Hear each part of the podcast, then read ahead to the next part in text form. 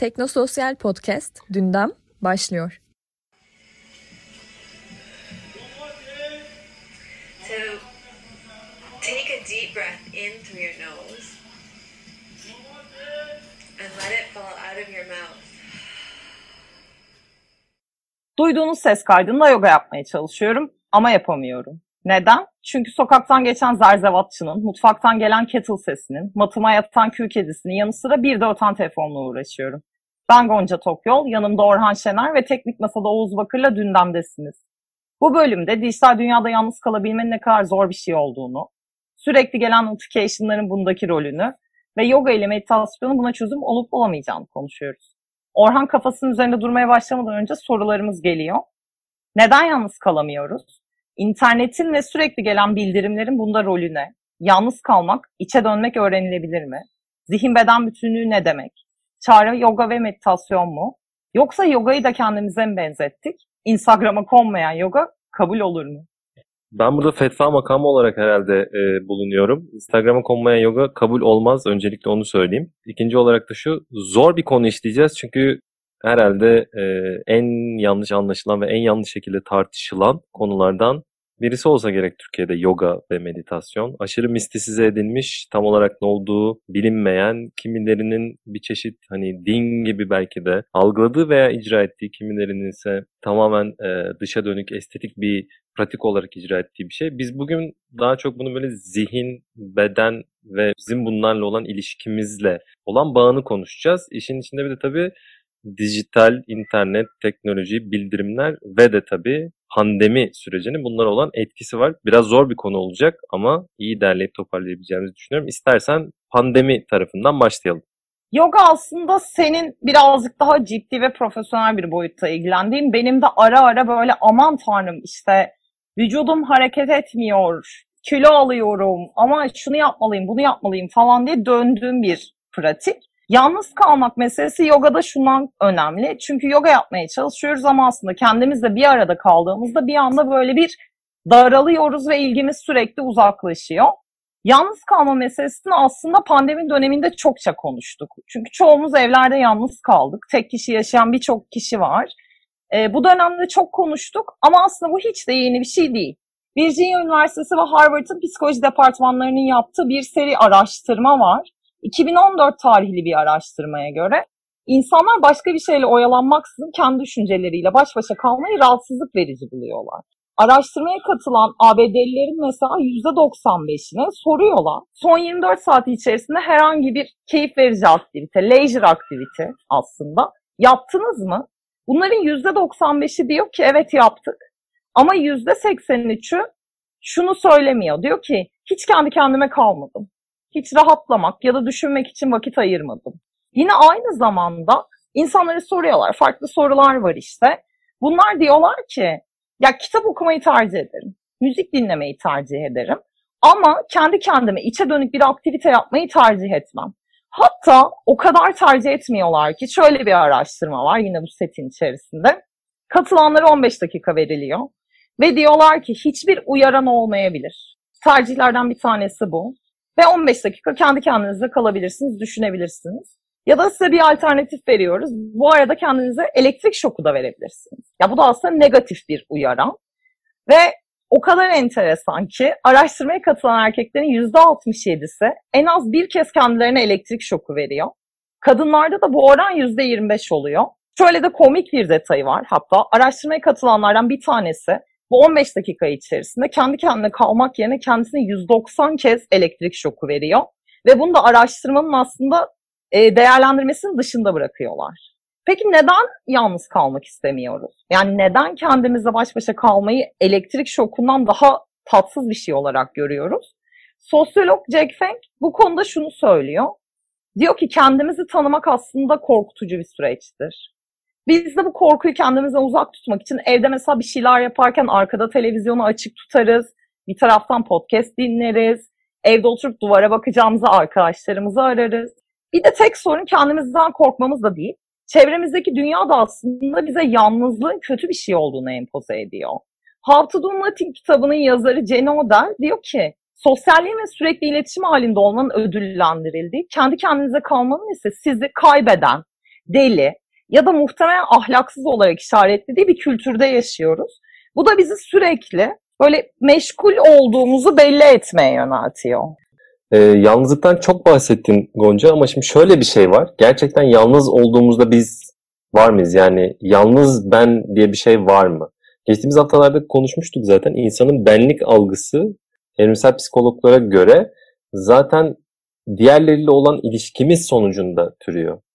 Yani mimetik kültür falan demiştik. Primitif insan, tırnak içinde primitif insan, homo sapiens'in böyle erken dönemlerinde kabiledeki diğer bireylere bakarak ve e, onlarla birlikte bazı primitif ritüeller geliştirerek e, özetle birimizin suratına bakıp taklit ederek dilin geliştiği söyleniyordu. Yani buradan şunu da çıkarıyorlar aslında. Başta zaten bir ben algısı yok. Biz var.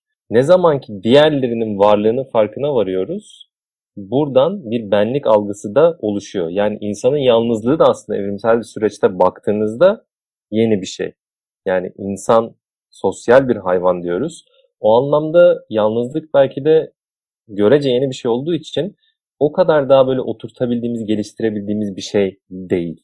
Bunun modern dönemde böyle kuramsallaştıran akademisyenler de var. En ünlüsü de benim çok sevdiğim bir sosyolog. Irving Goffman. Kendisi Kanadalı ama e, daha çok Chicago okulunda yaptığı işlerle biliniyor. Muazzam bir insandır. Böyle büyük yapısalcılar, işte çok büyük laflar etmeyi sevenler hiç sevmez. Çünkü böyle incik pincik diyebileceği şeylerle uğraşır.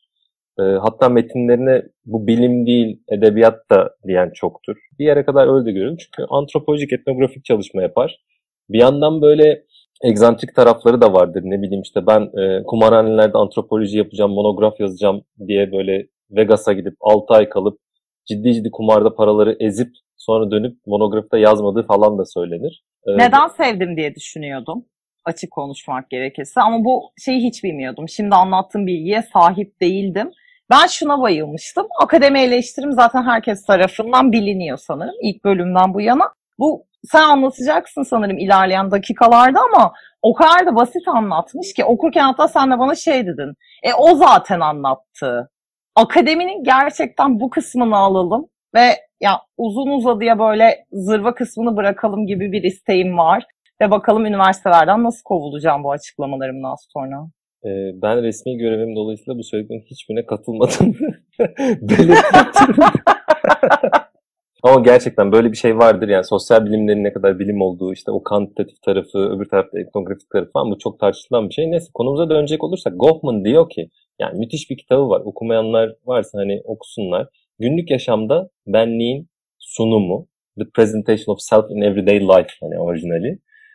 Şimdi çok söylenen bir şey var. İşte hayat bir tiyatro sahnesi falan denir ya. Şimdi sosyal bilimin iyisi de zaten bu çok söylene gelen klişe lafların veya hep gözümüzün önünde olan ama bir türlü kimsenin adını koymadığı şeyleri tespit edip adını koymak. Özellikle antropolojinin yaptığı şey bu. O kadar bariz ki hani suyun içinde yaşayan balık misali. Ya bunun adı su diyebildiğin zaman büyük bir iş başarmış oluyor. Goffman da biraz bunu yapıyor. Burada diyor ki evet bu tiyatro metaforu doğru ama söylediğinizden daha da kompleks. Yani şunu söylüyor. Bizim giyinişimiz, tavırlarımız, işte bakışlarımız, konuşma biçimimiz bulunduğumuz bağlama göre değişir. İşte ben okulda ders verirken mesela hocam oluyorum. Evdeyken işte bir aile bireyi oluyorum. Ya da işte ne bileyim e, sendikada çalışırken orada sendikanın bir çalışanı oluyorum. Ya da işte ne bileyim spor yaparken halı sahaya gitmiyorum ama gitsem hani halı sahada böyle kaleci oluyorum falan. Bunların her biri farklı bağlamlar ve çok daha farklı iletişim biçimlerini gerektiriyor. Ve bunlar öğrenilebilir şeyler. Ee, biz buralarda bir nevi aktör gibiyiz ve o role giriyoruz diyor Goffman ama daha da ötesinde birçok anda hem aktörüz hem de izleyiciyiz tiyatrodaki gibi. Başkaları da bizim için aslında bir rol, performans icra ediyorlar. Şimdi buraya kadar söylenenler aslında birçok kişinin iyi kötü söylediği şeyler ama bir de şunu söylüyor. E, sahnenin önü, sahnenin arkası ayrımı var. Sahnenin önündeyken bu kimliklere giriyoruz ve ona göre davranıyoruz. Bağlanma uygun şekilde davranmaya çalışıyoruz. Hatta şu da çok güzel bir analizdir. Utanmayı çok iyi açıklar. Utanma nedir aslında? Rolünü oynayamadığın an utanma eylemi gerçekleşir. Yani bir anda herkes seni ayıplar. Niye? Ya burada bir şey oynuyoruz ve sen bunu bozdun. Değil mi? Yani gülünmeyecek bir yerde gülmek ya da çok neşeli bir yerde fazla ciddi takılmak içki içilen yerde içki içmemek, kimsenin içki içmediği yerde içki içen insan olmak gibi e, birçok anda o utanma durumunun ya da ayıplanma durumunun olması, stigmanın oluşması da böyle bir şey. Rolün bozulmasıdır diyor. Şimdi bunların ötesinde sahne önü böyle. Sahne arkası nasıl bir yer? Kulis dediğimiz yer. Orada ise bu şapkaların hiçbiri yok ve sen artık sensin. Bir rol icra etmene gerek kalmıyor diyor. Bu bence muazzam bir analiz ve düşündüğünüzde hakikaten kendi başınıza kaldığınızda bir anda hani bu şey vardır ya işte mesela ders veriyorum falan. Ee, şey düşündünüz mü? Hocalar neden teneffüslerde çok konuşmak istemez öğrencilerle? Değil mi? Böyle bir şey var. Hep gidersin hocam hocam hoca böyle bir yüzü asılır. Çünkü o performansı icra etmek kolay bir şey değil. Dakikalar boyunca insanlarla konuşuyorsun, ediyorsun, ciddiyetini takıyorsun falan. Yani o aradaki 10 dakikada ben böyle şey kendi kendime olup ne bileyim yüz hatlarımı falan, yüz kaslarımı gevşetmek istiyorum mesela. Ve bir şey düşünmek Hiç inanmıyorum burada. Ya Neye hiç inanmıyorum. Podcast'teki performansına bakınca benim kafamdaki Orhan Şener mesela aradaki 10 dakikada sürekli işte dersi bu kadar anlatabildim. Çocuklar aslında bakın bir 5000 sene önceye gidelim, bir 10 bin sene önceye gidelim onları da anlatayım size falan. Ben seni hep böyle canlandırıyorum aslında kafamda. Gerçekte şöyle oluyor ama kantinin böyle öğrencilerin görmediği bir yerde çift kaşarlı tost yiyip çay içiyorum. Yani içmeye çalışıyorum. Biri gelirse böyle rahatsız oluyorum. Yani hayatın gerçekleri bunlar. Öyle Oxford'da bilmem ne profesörü böyle durmuş teneffüste de milletle konuşuyor falan. Böyle, yani ya öğrenciye öyle göstermeye çalışıyorsun ama son tahlilde kendinle baş başa kalmaya çalıştığın bir an o. Şimdi Goffman'ın bu söylediği e, bizim için önemli neden? Bugün anlamamızda yardımcı oluyor bize. Özellikle pandemi sürecinde biz ne yaşadık? Hepsi karıştı. Yani giydiğim yani o Zoom toplantılarında işte kıyafetlerin uyumsuzluğu, yandan çocuk geliyor, köpek havlıyor, kedi şey olduğu bu podcast'i bile kaydederken değil mi? Dışarıdan çocuk sesi geliyor işte kapıyı mı kapatalım vesaire. Her şey karıştı. O kimlikler yani neresi sahnenin arkası, neresi önü, ben hangi roldeydim, hangi dizide oynuyorum kardeşim falan bunların hepsi birbirine karıştı ve iyice bizim böyle bir zihin bütünlüğümüzü bozdu sanki. Şimdi oradan şuraya varacağım. Genel olarak internetin, dijitalin ve sosyal mecraların internet üzerinden yapılan iletişimin bizim bu kişisel alanımız ya da sahne arkası dediği şey Goffman'ın bunu nasıl bozduğu demeyelim ama değiştirdiğiyle ilgili bazı teoriler, argümanlar var. Bunlardan en böyle değerli toplusu da Dana Boyd'un. Dana Boyd e, da ilginç birisi. Kendisi e, Microsoft'un araştırma biriminin başında ama bir sosyal bilimci. Şöyle de enteresan bir tarafı var. Dana Boyd ismini ararsanız isminin her yerde küçük harflerle yazıldığını bulursunuz. Nedenini de dinleyenler ayrıca araştırsınlar. Ama benim çok sevdiğim bir kişiliktir. Dana Boyd diyor ki eskiden bunu burada konuşmuştuk zaten ilk bölüm zannedersem. Kişisel alan yani özel alan ve kamusal alan. Bu ikisinin hibritleştiği bir yeni mekanda yaşıyoruz biz aslında. Buna da diyor ki private publics yani kişisel, özel kamusal alanlar. Ne demek bu? Kendi evinde oturuyor. Mesela şöyle birisini düşünelim. Ergen bir çocuk kendi odasında oturuyor ve o sırada Instagram'da geziyor. Şimdi baktığında kamusal alanda değil bu. Değil mi? Yani hatta ailesinin bile salonunda değil. Kendi odasında oturuyor. Belki kapısı kilitli giremezsin. Ama bir anda kamusal bir şey yapıyor değil mi? Instagram'da insanlar işte favlıyor, DM'den yürüyor, ne bileyim bir şeylere bakıyor, yorum yazıyor ya da Twitter'da işte bir şeyler yazan bir insan. Kendi odandasın, özelindesin ama bir yanda da kamusal alan içerisindesin. Bu ikisi arasında bir e, geçişkenlik olmuş oluyor. Yani senin artık orası mahrem alanın olmakla birlikte kamusala bakan bir penceren de var. Ama kamusalda eski kamusallardan farkı neden? Çünkü söylediğin her şey kaydediliyor, tekrar geri dönüp araştırılabiliyor. Aynı zamanda da seni kimden izlediğini bilemiyorsun. Gizli izleyiciler var. Orada böyle bir karışıklık var. Şimdi bunların hepsini topladığımızda ne diyebiliriz? Biz zaten yalnızlığı bilmiyorduk evrimsel olarak. Böyle biz bir kabileden geliyoruz. Yeni yeni öğrenmişiz. Modern zamanlarda oluşmuş zaten. Yani modern öncesinde de insanların iç içe hep birlikte yaşadıkları küçük odalar tıklım tıklım falan. Modernliğin getirdiği o yalnızlık işi var. Zaten yeni yeni öğreniyorduk. Sahnenin arkasında durmaya çok alışık değil. Dijital geldi. Bunu iyice karıştırdı. Pandemi geldi. Hepten bir kaos oldu. İşin özeti biz yalnız olmayı pek bilen canlılar değiliz. Öğrenmeye çalışıyoruz ama önümüzde her seferinde teknolojinin ya da dış etkenlerin getirdiği zorluklar oluyor. Zaten psikologlar da şunu söylüyorlar. Diyorlar ki insanlar binlerce yıldır bir başkasının varlığında aslında rahata ulaşabiliyorlar. Yani burada konforu buluyorlar. Ve o yüzden de yalnız kaldığımızda bu bizi aslında psikolojik bir levelde, psikolojik bir seviyede canımızı yakıyor. Bu şey gibi bir şey değil. Aman tanrım yalnız kalamıyorum falan değil. Orada psikolojik bir acı var aslında. Ve yalnız kalmakta bir yetenek. Öyle aman tanrım sen yalnız kalamıyorsun o yüzden işte beceremiyorsun bunu falan değil. Bizim aslında üzerinde pratik yaparak geliştirebileceğimiz, daha iyi bir noktaya geleceğimiz. Bunun işte farklı araçları da var. İşte yoga, meditasyon da bunun için bir araç. Ama başka şeyler de araç. Mesela ne oldu? Pandemi döneminde çok fazla kişi ekmek yapmaya başladı. Ya da pandemi döneminde çok fazla insan Mahmut Tezcan'ı burada anmak istiyorum. O çok daha öncesinden başlamıştı balkon bahçeciliğine. Ama çok fazla benim çevremde kişi balkonda saksılara bir şey ekmeye başladı. Apartmanın önünde bir bitki yetiştirmeye başladı. Burada ne yapıyoruz aslında? Elimiz oynarken bir taraftan da kendimizle iletişim kurmaya başlıyoruz. Çünkü ben ekmek yoğururken kendi kendimle kalmak zorundayım. O anda tam podcast dinleyebilirim ya da bir dizi açabilirim. Arkanı izlememi çok gerektirmeyecek. Ama bunları yapmadığım anda kendimle baş başa kalıyorum. Psikologlar da diyorlar ki genel olarak daha yalnız kalmak istiyorsanız, yalnızlığınızla barışmak istiyorsanız bunu kademeli bir şekilde yapın. Eğer kendi kendinize kalmaktan korkuyorsanız, bu mesela nerede vardır? Gece yatmadan önce bazen düşünürken kendi kendine çok saçma sapan şeylere girersin. Aman tanrım tezimi yazamadım, işte işimde yükselemedim, kenarda da bir param yok, hastalanırsam ne yapacağım, bilmem ne böyle insan kendi kendiyle kalınca anksiyete geliştirmeye çok daha müsait bir hale geliyor. O yüzden de eğer bunu yapmaktan korkuyorsanız ve bu sizde büyük bir anksiyeteye sebep oluyorsa kendinizi buna zorlamayın. O kadar da hızlı yapmayın. Psikologların önerisi bu. Hatta Avustralya Sağlık Bakanlığı'nın bir stresle başa çıkma kılavuzu var. Özetle o da şunu söylüyor. Diyor ki hissettiğiniz şeyi kabul edin ve normalde kullandığınız kaçış yolları yerine o anda kalmaya çalışın. Hissettiklerinizin nasıl ilerlediğini gözlemleyin. Sonrasında dikkatinizi o anda yapmak istediğiniz aktiviteye çevirin. Mesela bu ne olabilir? Nefesine odaklanabilirsin. Koyun sayarsın mesela uyumadan önce de. Ya da nefesini sayabilirsin.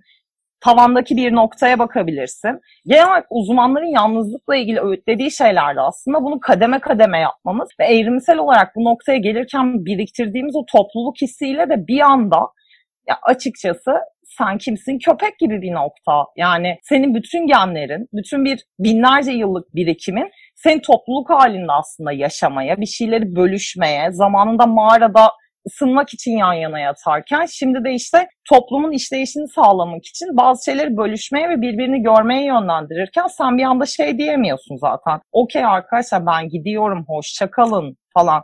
Bunu diyor birazcık daha kademeli yapın. Şimdi bayağı böyle kritik bir yerdeyiz. Yalnızlık vesaire falan bu hususu açıkladık. Teknolojiyle olan ilişkisini açıkladık. İşte modern insanın yalnızlık olan sorunlu ilişkisini açıkladık falan. Peki yoga burada hani nereye oturtacağız? Şimdi yoga derken aslında esas olarak meditasyonu kastediyoruz. Ve meditasyon nedeninde genelde insanların aklına geliyor böyle çok mistik değil mi? İşte om falan. Yani hani antin kuntin işler özetle tırnak içinde. Aslında mesele şu. Bu 4-5 bin yıllık falan bir öğreti olduğunu düşünüyorlar tarihçiler. Ee, özellikle işte Indus Vadisi medeniyeti dediğimiz böyle Hindistan'ın öncü kavmi.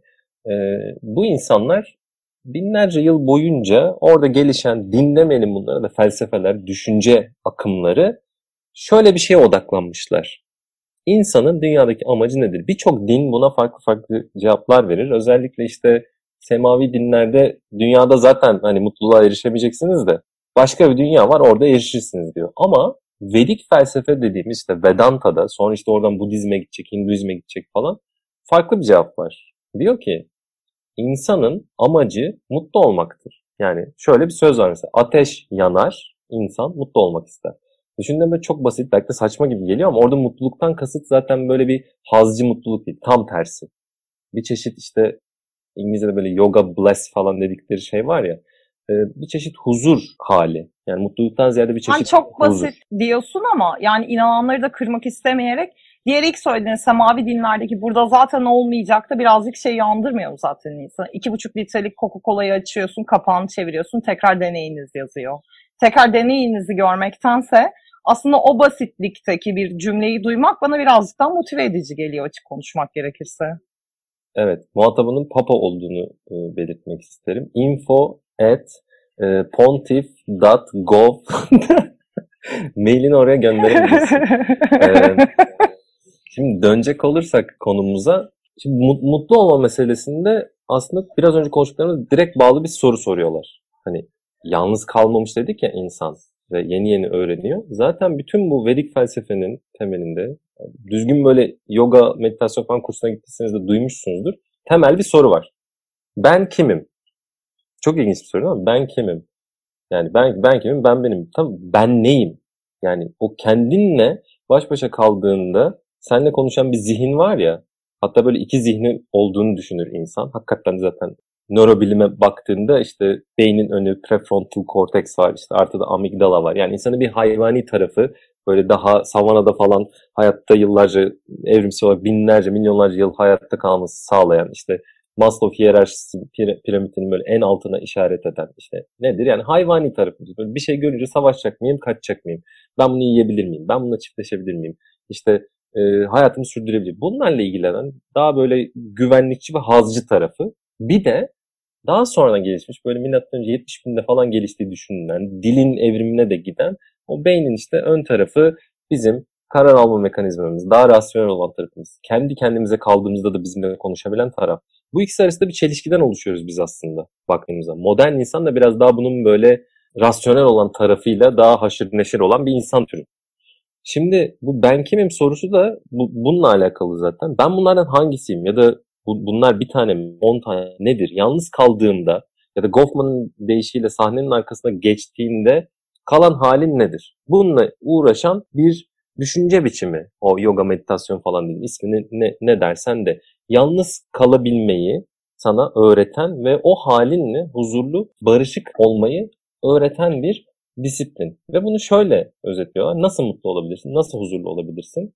Eğer zihnin, bedenin, ruhun eş güdümlüyse, sinkse, bir bütünse huzuru bulursun. Buna da işte Sat Çin, Çit Ananda felsefesi diyorlar. Orada tabii işte Sat varlıkmış, existence'mış. İşte Çit işte senin işte o benliğinmiş. Ananda işte evrenle bütünleşik huzurmuş. Ama o daha mistize edilmiş taraflarını geçersen bayağı bildiğin işte beden, zihin ve ruhun bütün olması. E orada da şöyle bir şey var. Ne demek bu? Yani şu çok olan bir şey değil mi? Bir yerde duruyorsun ama orada değilsin başka bir şey düşünüyorsun. Ya da tamam oradasın ama ya geçmişin pişmanlıkları var. Bir şeyden utanmışsın, kötü bir şey olmuş durmadan aklına o geliyor. Ya da geleceğe dair bir endişe. Şöyle mi olacak, birazdan böyle mi olacak falan. Oysa bizim doğrudan tecrübe ettiğimiz tek şey anın kendisi şu an. Değil mi? Böyle söylerken de şey gibi oluyor. Yani buradan böyle çok kolay şeye sıçrayabiliriz. Kaliforniya'da böyle güzel bir e, evde arka bahçeye gitmişim böyle işte yanık tenim falan e, üstümü çıkarmışım oturmuşum işte hi guys falan diye böyle insanlara sanki dalaylamaymış gibi işte mutlu olmak istiyorsan sen şu anda olmaz yeter falan diyen benim süper uyuz olduğum insanlara dönüşmek de çok kolay ama o dipnotta düşeyim yani o şerhinde düşeyim. Geçmişe dair şeyi hatırlamak, hatırlamamak, geleceğe dair işte daha yaşanmamış bir şeyden endişe, endişelenmemek sana kalmış. Ve bu öğrenilebilir bir şey. Zaten aklımızdan geçen düşüncenin ekseriyeti negatif ve biz bununla belki gereğinden fazla neşir oluyoruz modern insan olarak. Yalnız kalmayı istemememizin sebebi de muhtemelen bu. Çünkü yalnız kaldığın anda o dış uyaranlar olmadığı için ya geçmişin pişmanlıkları ya da geleceğin endişeleriyle dolu ve seni çok rahatsız edecek bir zihinle baş başa kalıyorsun. E meditasyon, yoga dediğimiz şey de zaten bununla bir şekilde bunu yok etmek değil, bununla barışık bir şekilde yaşayabilmeyi öğrenmek, bir nevi yalnız kalmayı öğrenmek. Ben ilk meditasyon deneyimimde şok geçirmiştim açık konuşmak gerekirse. Yani öncesinde de birazcık yoga yapıyordum. Hani oradaki içe dönme kısmını falan da anlıyorum ama birkaç sene önce New York'tayım. Brooklyn'de Airbnb'den bir oda kiraladım.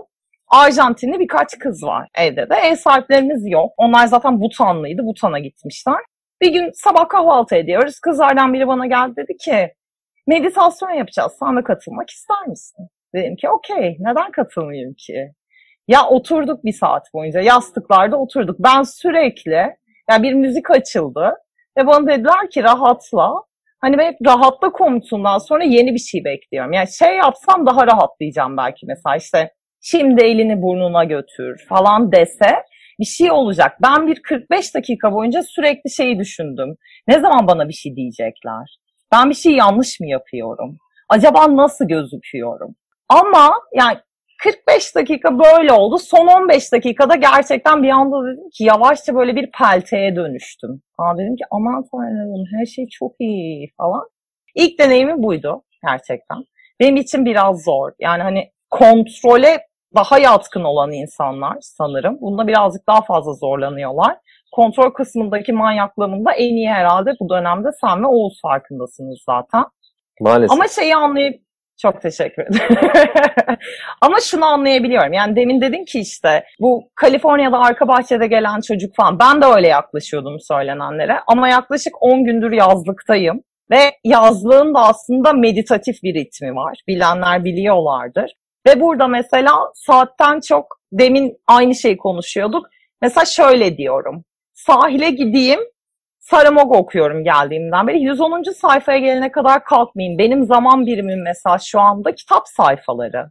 Bu da insanı birazcık daha anlatılan meseleyi anlamaya daha yöneltiyor. Çünkü birazcık son iki bölümde de konuştuğumuz işte dijital e, minimalizasyon meselesine de biraz yöneldim.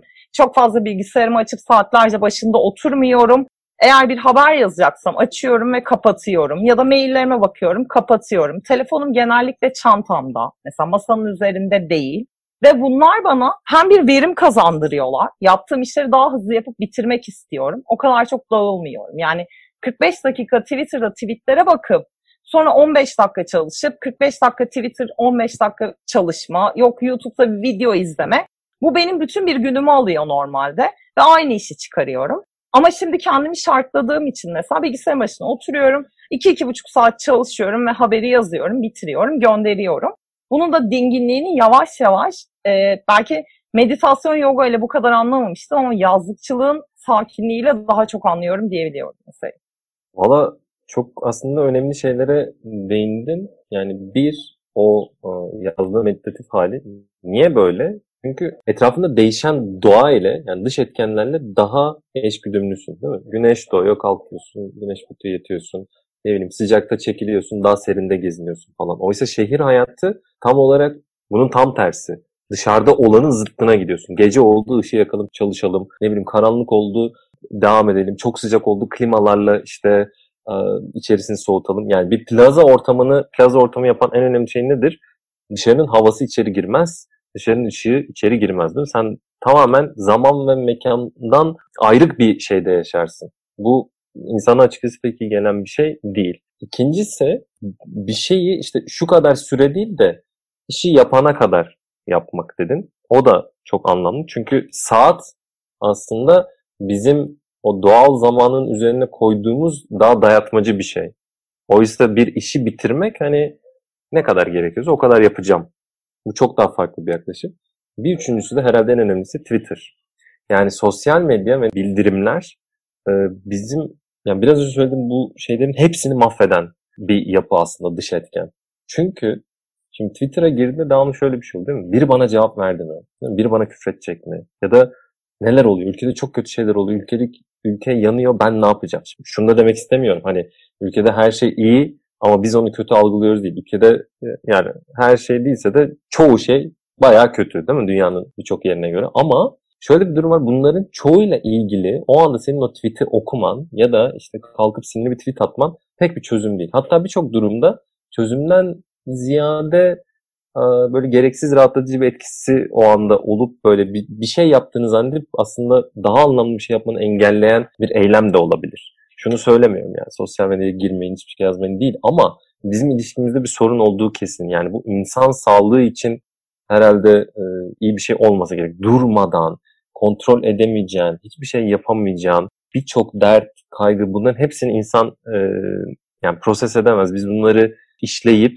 anlamlı bir çıktıya dönüştürmemiz mümkün değil. O sebepten hani sosyal medyayla olan ilişkimizi de bu şekilde değerlendirmek lazım. O yüzden kitap okurken ya da Kindle'dan okurken iyi geliyor ama atıyorum telefondan bir şey okurken o kadar iyi gelmiyor. Çünkü biliyorsun ki o elindeki aletle hemen dünyanın herhangi bir yerine bağlanıp herhangi bir insana sövebilirim. Onlar da bana sövebilir. Olmayacak bir yerden bildirim gelebilir. Yani internete bağlı olmayan, hemencecik böyle bir şeyler yazamayacağın cihazla bizim cebimizdeki telefonlar aynı şey değil notificationsızlık meselesini konuşmuştuk mesela daha önceki bölümlerde. Bununla ilgili de yani Datça'ya gelirken mesela yanlış bir kitap seçimi yapmışım ve daha Sabiha Gökçen'den çıkmadan önce kitabım bitti. Ne yapacağım ne yapacağım? Dalaman'la Datça arasındaki yol da gerçekten dünya en iyi internetinin olduğu yol değil. Uçağa binmeden önce New Yorker'dan, New York Times'tan bir süredir işte eklediğim ama okumaya fırsat bulamadığım makaleleri açmıştım bilgisayarımda. Aman tanrım aradaki farka inanamazsınız. Yani o Dalaman'dan Datça'ya geçen iki buçuk saatte o kadar çok makale okudum. O kadar uzun zamandır biriktirdiğim okumayı bitirdim ki çünkü bilgisayarım internete bağlanmıyordu aslında. Hiçbir şey ötmüyordu, Twitter'ı görmüyordum, WhatsApp'ı görmüyordum. O ekranda bazen suçu buluyoruz ama mesela ekran değil. Orada yandan gelen sürekli bildirimler. Ama yazdıkçılığın yanı sıra bu dönemde benim çok daha böyle sakin olmam ve içinde bulunduğum anın tadını çıkarmama katkısı olan bir diğer şey de ne dersen son iki aydır sanırım yaklaşık düzenli olarak yoga yapıyor olmak. Birleşmiş Milletler de aslında koronavirüs döneminde artan bir ilgi var yogaya ve dedi ki yani bu kapalı olma halinin yarattığı belirsizlik, izolasyon, bu süreçlerle başa çıkmak için yoga çok güçlü bir araç. Aynı zamanda çünkü biz neyi fark ettik bu dönemde koronavirüsle birlikte? Biz hep böyle garanti altında hissediyorduk. Hep cepte zannediyorduk. Neydi bu? Sağlığımız. O kadar da cepte bir şey değilmiş. Yani at gibi koştururum, gece üçlere kadar çalışırım. İşte sigara içiyorsam içerim, içki içiyorsam içerim. E zaten kısmen de o endişeleri çok yaşayacağımız bir yaş grubunda da değiliz. Sağlıklı olurum. Ama Covid'le birlikte neyi gördük? Aa o kadar da cepte değilmiş bu mesele. O yüzden de aslında bu izolasyon ve karantina sürecinde birçok insan online yogaya yönlendi. Hatta Uluslararası Yoga Günü bu sene dijitalde kutlandı. Miyasu diye bir yer var. Dünyanın yoga başkenti olarak biliniyor. 2017'de de hatta e, Guinness Rekorlar kitabına giriyorlar. Çünkü 55.500 kişi aynı anda yoga yapıyor burada. Bu sene Uluslararası Yoga Günü de dijitalde kutlandı. Yine Miyasu'da böyle insanlar teraslarda yoga yaptılar ve drone çekimler yapıldı. Hatta Hindistan Başbakanı Modi de bugün yaptığı açıklamada dedi ki dünya Covid pandemisi sırasında yoganın önemini çok daha fazla anlıyor. Çünkü yoga Covid hastalarına birçok aslında aktiviteden çok daha fazla destek oluyor. Neden? Çünkü Covid solunum sistemine saldırıyor ve pranayama ya da nefes alma egzersizleri de bizim buradaki sistemimizi güçlendirmede en çok işe yarayan şey. E, şeyi de görüyoruz mesela Apple 2019'da fitness seçenekleri arasında yogayı ekliyor. Her geçen gün daha fazla yoga uygulaması çıkıyor. Türkiye'de belki birazcık daha yavaş görüyoruz yoga pazarının büyümesini. Ama özellikle ABD'de bu çok daha büyük bir pazar. Mesela yoga döneminde evlere çekilince şunu yapıyorlar e, Turing Sense diye bir şey var. Yoga kıyafeti. Üzerinde küçük çipler var. Mesela sana şeyi söylüyor. Çünkü evinde yapıyorsun ya. Hareketi doğru yaptın mı? Yeterince mesela bacağını kaldırabildin mi? Şunu yapabildin, bunu yapabildin. Bunun cevabını veriyor. Ya da Hindistan'dan çıkan Sarva diye bir app var. Onlar mesela kendilerini şey diye tanımlıyorlar. Biz yoganın Netflix'i olacağız. O yüzden de yoga, benim için yoga bu dönemde çok öğretici bir şey oldu. Ama bir taraftan da düşününce şeyden de çok rahatsız oluyorum. Neden ben bu dönemde yoga yapmayı seçtim diye düşündüğümde bunun tek sebebi bence evde kapalı olmam değil. Bir taraftan da yoga hep neyle yapılıyor? Daha aslında insanla yapılan bir şey değil mi? Stüdyoya gidiyorsun, birileriyle bir araya geliyorsun. Ama bu bir araya gelmede beni şey çok rahatsız ediyor. Abartılı mistisizm ya da insanların işte sıfır beden olması ve hadi bakalım şimdi sana bacağımı kafamdan geçireceğim tarzında takılması beni çok rahatsız ediyor. Koronavirüs bana neyin imkanını verdi? Alternatifler o kadar çok arttı ki istersen bir Zoom dersine katılabilirim. istersem Instagram Live'da izleyebilirim. Ama evimde e, benim tırnak içinde kusura bakmasın gerçekten böyle yapanlar. Ama o e, şamatasını geride bırakarak yoganın çok basic bir şeyini alabileceğim bir nokta haline geldi. Geçen bölümde de bahsetmiştik. Hiç de Instagram'a yoga fotoğrafı da atmadım bu süreçte mesela. Yani bir noktada atacaksın ve orada inan emin ol ben olacağım. Ee, onu o bir noktayı yani. biliyoruz. Başımın üzerinde durduğumda atacağım. Durduğunu, Hala evet. daha duramıyorum. Onu da yaparsın inşallah. Her, çalışırsan olur. Şimdi orada şöyle bir şey var. E, iki husus.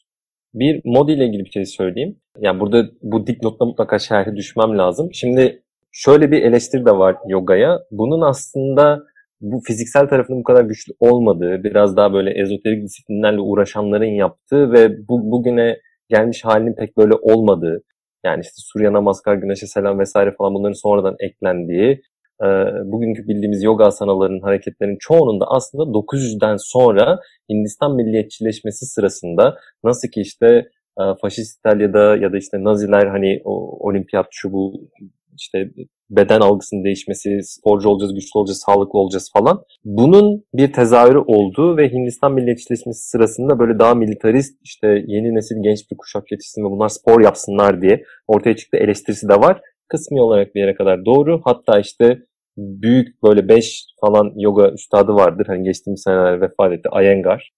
Iyengar stüdyosuna falan gittiyseniz böyle şey gibidir yani. Ben nereye girdim ya? İş, işkencehane mi burası? Her taraf böyle ipler, sopalar, bir şeyler falan. Hocalar serttir falan. Yani adam zaten e, yetiştiği yer askeri bir akademi. Ve o olmasa biz bugün birçok şeyi yaşamayacaktık yani. Onun geldiği dönemde Hindistan'da yoga bugünkünün tam tersi. Sadece erkekler yapabiliyor ve çok sert bir şekilde yapıyor. Öyle içe dönmek, içe dönmek falan değil. Bildiğin tamamen bedeni bir disiplin. Yani bugün böyle daha feminen bir şey yani erkek yoga yapınca neymiş o ya falan deniyor ya. Hiç alakası yok bunun. O kadar sert adamlar ki bunlar. Gelip işte erkek, sadece erkek işi değil bu. Yani bir işte kadınlar yogayı şöyle yapabilir, pozları şöyle modifiye edelim. Çocuklar şöyle yapabilir, yaşlılar böyle yapabilir de kendi babasının eşine ve çocuğuna yaptırarak böyle biraz da batıya da bu şekilde açılmasını sağlayan birkaç kişiden biri bu. Önce o dipnotu bir düşün. Yani bir doğruluk payı var. O kadar böyle hani 4 bin yıl önce kastedilen yoga ya da asanalar nelerdi? Tam bunu biz bilmiyoruz. Bora Ercan'ın e, güzel e, kitabı var.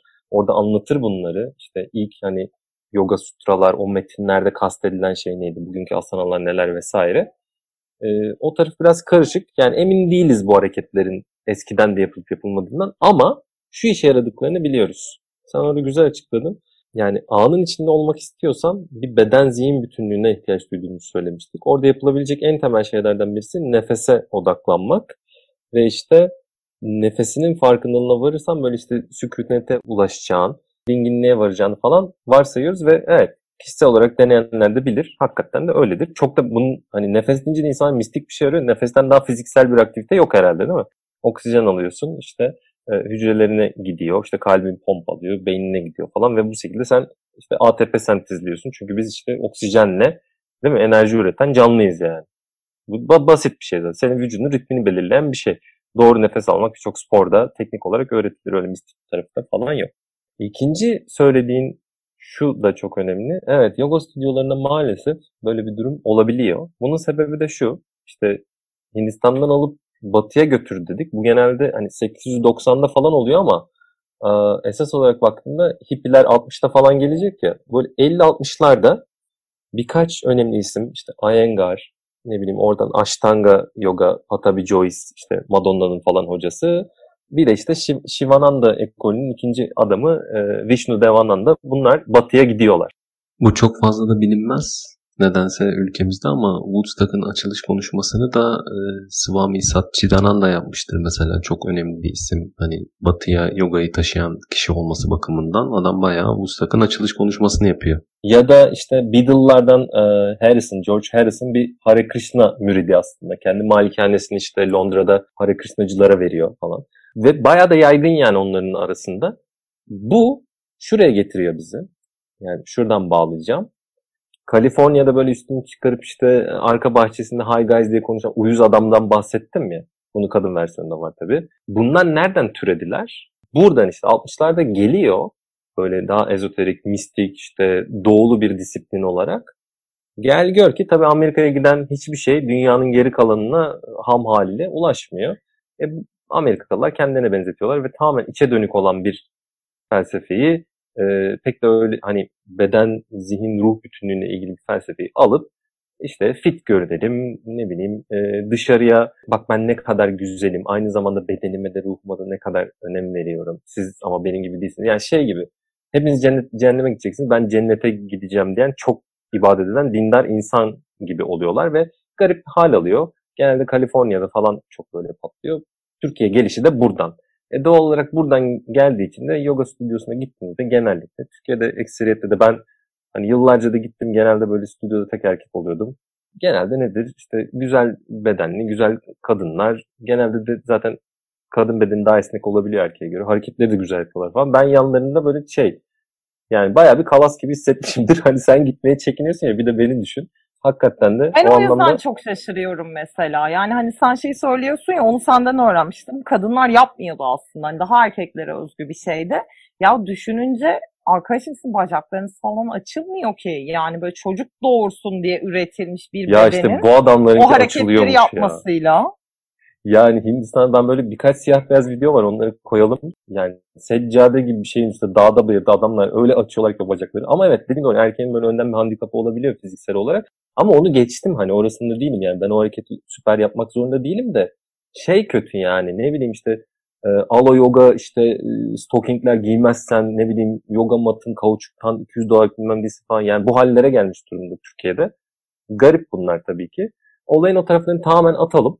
Dediğin gibi hani kendi başına kalabilmeyi öğrenmek için fiziksel olarak ve zihinsel olarak dinginliğe ulaşmak için bütün işte notifikasyonlardan, bildirimlerden kurtulalım, internette az girelim, daha az işte bağlı olalım ve bir yandan da bu gibi disiplinlerle kendimizi eğitmeye çalışalım diyebiliriz ve bu söylediklerimiz mistik falan olmadığını ispatlamak için de illa böyle hani bilimsel bir şey de vermiş olalım. Harvard Üniversitesi yaptığı araştırmada düzenli olarak işte yogadan ziyade hani meditasyon, yoğun meditasyon yapan insanlarla araştırma yapmışlar. Hani amigdalalarına baktıklarında yani dış etkilere tepki veren kısma. Senin o da vardı işte 190 defa elektrik şoku bana verin ama ben hiç yalnız kalmayayım diyor ya. Baktıklarında hiç meditasyon yapmamışken işte MRI skene sokuyorlar zihni, şey beyinlerini. Baya böyle ciddi bir tepki bölgesi gözüküyor. İnsanlara yoga yaptırıyorlar. Yoga yapma, şey meditasyon yaptırıyorlar. Med- meditasyonu da öğreniyor bu insanlar. Daha sonra tekrar baktıklarında çok daha az tepki verdiğini görüyor. Yani dışarıdan gelen her şeyi sinirlenmiyorsun, her şey aklın gitmiyor. Olduğun yer ve zamanda durmayı biraz öğreniyorsun. Bilimsel olarak da bunun verileri var. O sebepten hani süper mistik bir şeyden bahsetmediğinizin tekrar altını çizmek için bunu da söylemiş olayım. O zaman Orhan Hocam buraya kadar gelmişken en baştaki sorularımızdan bir tanesiyle önerilere geçelim ve bu bölümde kapatalım istiyorum. Instagram'a konmayan yoga kabul olur mu? Senin bir makalen vardı sanırım bu konuda. Evet, e, fetva makamı olarak yazdığım bu makalede o e, kabul olmayacağını söylemiştim. Yani şaka bir yana işte Varlık dergisinde herhalde 2016-17'de olsa gerek böyle bir yoga dosyası yapılmıştı. Ben de bunu yazmıştım. Yani daha önce de bahsettik burada. Temel argüman biz bir gösteri toplumu içerisinde yaşıyoruz şu anda. İşte bu Guy Debord'un söylediği. Devamlı bir şeyleri dışarıya göstermemiz. Instagram bu değil mi? Sen mesela işte ben tatile geldim ama işte millet kıskandıracak şeyleri de pek koymadım falan diyorsun. Yani genel teamül ne? İşte çatlayın patlayın bak ben neler yapıyorum. Şunu yedim bunu içtim. Şöyle güzelim böyle yakışıklıyım falan. Yoga da biraz böyle bakarsınız hani Instagram'da yoga diye aratın. Yani uçan, kaçan falan. Ben hiç çirkin insan görmedim orada. Herkes güzel, yakışıklı, herkes esnek, kafasının üstüne kalktı falan. Kargalar, kor pozlar bilmem ne. Bir yandan da şöyle bir şey var. Kendisi içe dönük demiştik.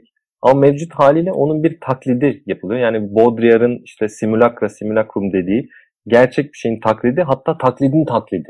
Biz şu an hani yapılan yoga biraz böyle bir şey. O anlamda da evet günümüz dünyasında Instagram'a koymuyorsan pek de yoga yapmış sayılmıyorsun yani. Ki bu sadece yoga için de değil birçok e, ne bileyim bugün çıktı haberi değil mi? Camide TikTok videosu çeken kadın eleştiriliyordu falan. Hani birçok aslında böyle içe dönük olması gereken dini ritüel pratik de Instagram'dan dışarı konuyor. Ve işte bir yandan ayıplanıyor falan da. O sebepten hani hepsini toparlayıp başa dönelim. İçe dönmek istiyorsanız içe dönün. Dışa dönük bir şey yapmak istiyorsanız da onu içe dönük bir şey yapıyormuş gibi yapmayın lütfen. O zaman ben YouTube'un yoga section'ını birazcık denemiş bir insan olarak iki tane beğendiğim kanalı önereceğim. Bir tanesi Melissa West. Gerçekten çok daha içe dönük videoları var. Çok böyle sürekli şeyin vurgusunu yapan yogayı kendimiz için yapıyoruz ve gerçekten buradan bacağınızı alıp şuraya götürmenize gerek, benim gibi gözükmenize de gerek yok. Ya da mesela belli fiziki engellere dair mesela büyük memeli olmakla ilgili ya da kilolu olmakla ilgili çok daha böyle duruşları adapte eden bir tarzı var. Ben ilk aslında 2016'da onunla birlikte yapmaya başlamıştım yogayı. Onun videolarını izlemeye başlamıştım YouTube'da. Onu tavsiye ederim ilgilenenler için. Onun dışında birazcık artık tabii işin fiziki boyutuna daha fazla yöneldiğim için Yogi Melbourne'ü takip etmeye başladım. Onların videolarını çok seviyorum. Aynı zamanda Sakıp Sabancı Müzesi'nin de Emirgan'daki çarşamba sabahları saat 7'de e, Instagram hesapları üzerinden bir yoga seansları oluyor. Rezervasyona yetişebilirseniz bunu eskiden müzede yoga şeklinde yapıyorlardı. Müzenin içinde gerçekleştiriyorlardı çarşamba sabahları yoga seanslarını. Ama pandemi sebebiyle sayıyı azaltıp bahçeye taşıdılar etkinliği. Bunu da deneyebilirsiniz. Bu bölüm için benim önerilerim bu şekilde. Yani ben o makalemin dışında bir tavsiye vermem gerekirse adını da çok andık. Hani e, hakikaten de bu işlere kafa yormuş yani tırnak içinde guru denecekse birisi e, Iyengar. İşte BKS Iyengar diye geçer. 5-6 büyük böyle Swami Guru'dan birisi. Onun Türkçe'de çevrilmiş kitapları var. Biri Light on Yoga, öbürü Light on Life. Yani Türkçe'de işte e, yogaya ışık ve hayata ışık diye çevrilmiş. Böyle e, bu tarz kitapları bulabileceğiniz en az belki de böyle mistik, antik, kuntik e, gelebileceklerden birisi. Hani bu konuştuklarımız detaylı bir şekilde anlatan. Ya biz bu işi niye yapıyoruz? Böyle hareket hareket yapıyoruz, nefes alıyoruz falan da nereden geldi, nereye gitti, ne işe yarar falan derli toplu anlattığı bir kitap tavsiye ediyorum. O zaman ben başımın üzerinde durabildiğimde ve Haber Masalı'nın bir sonraki bölümünde görüşmek üzere diyorum. Görüşmek üzere.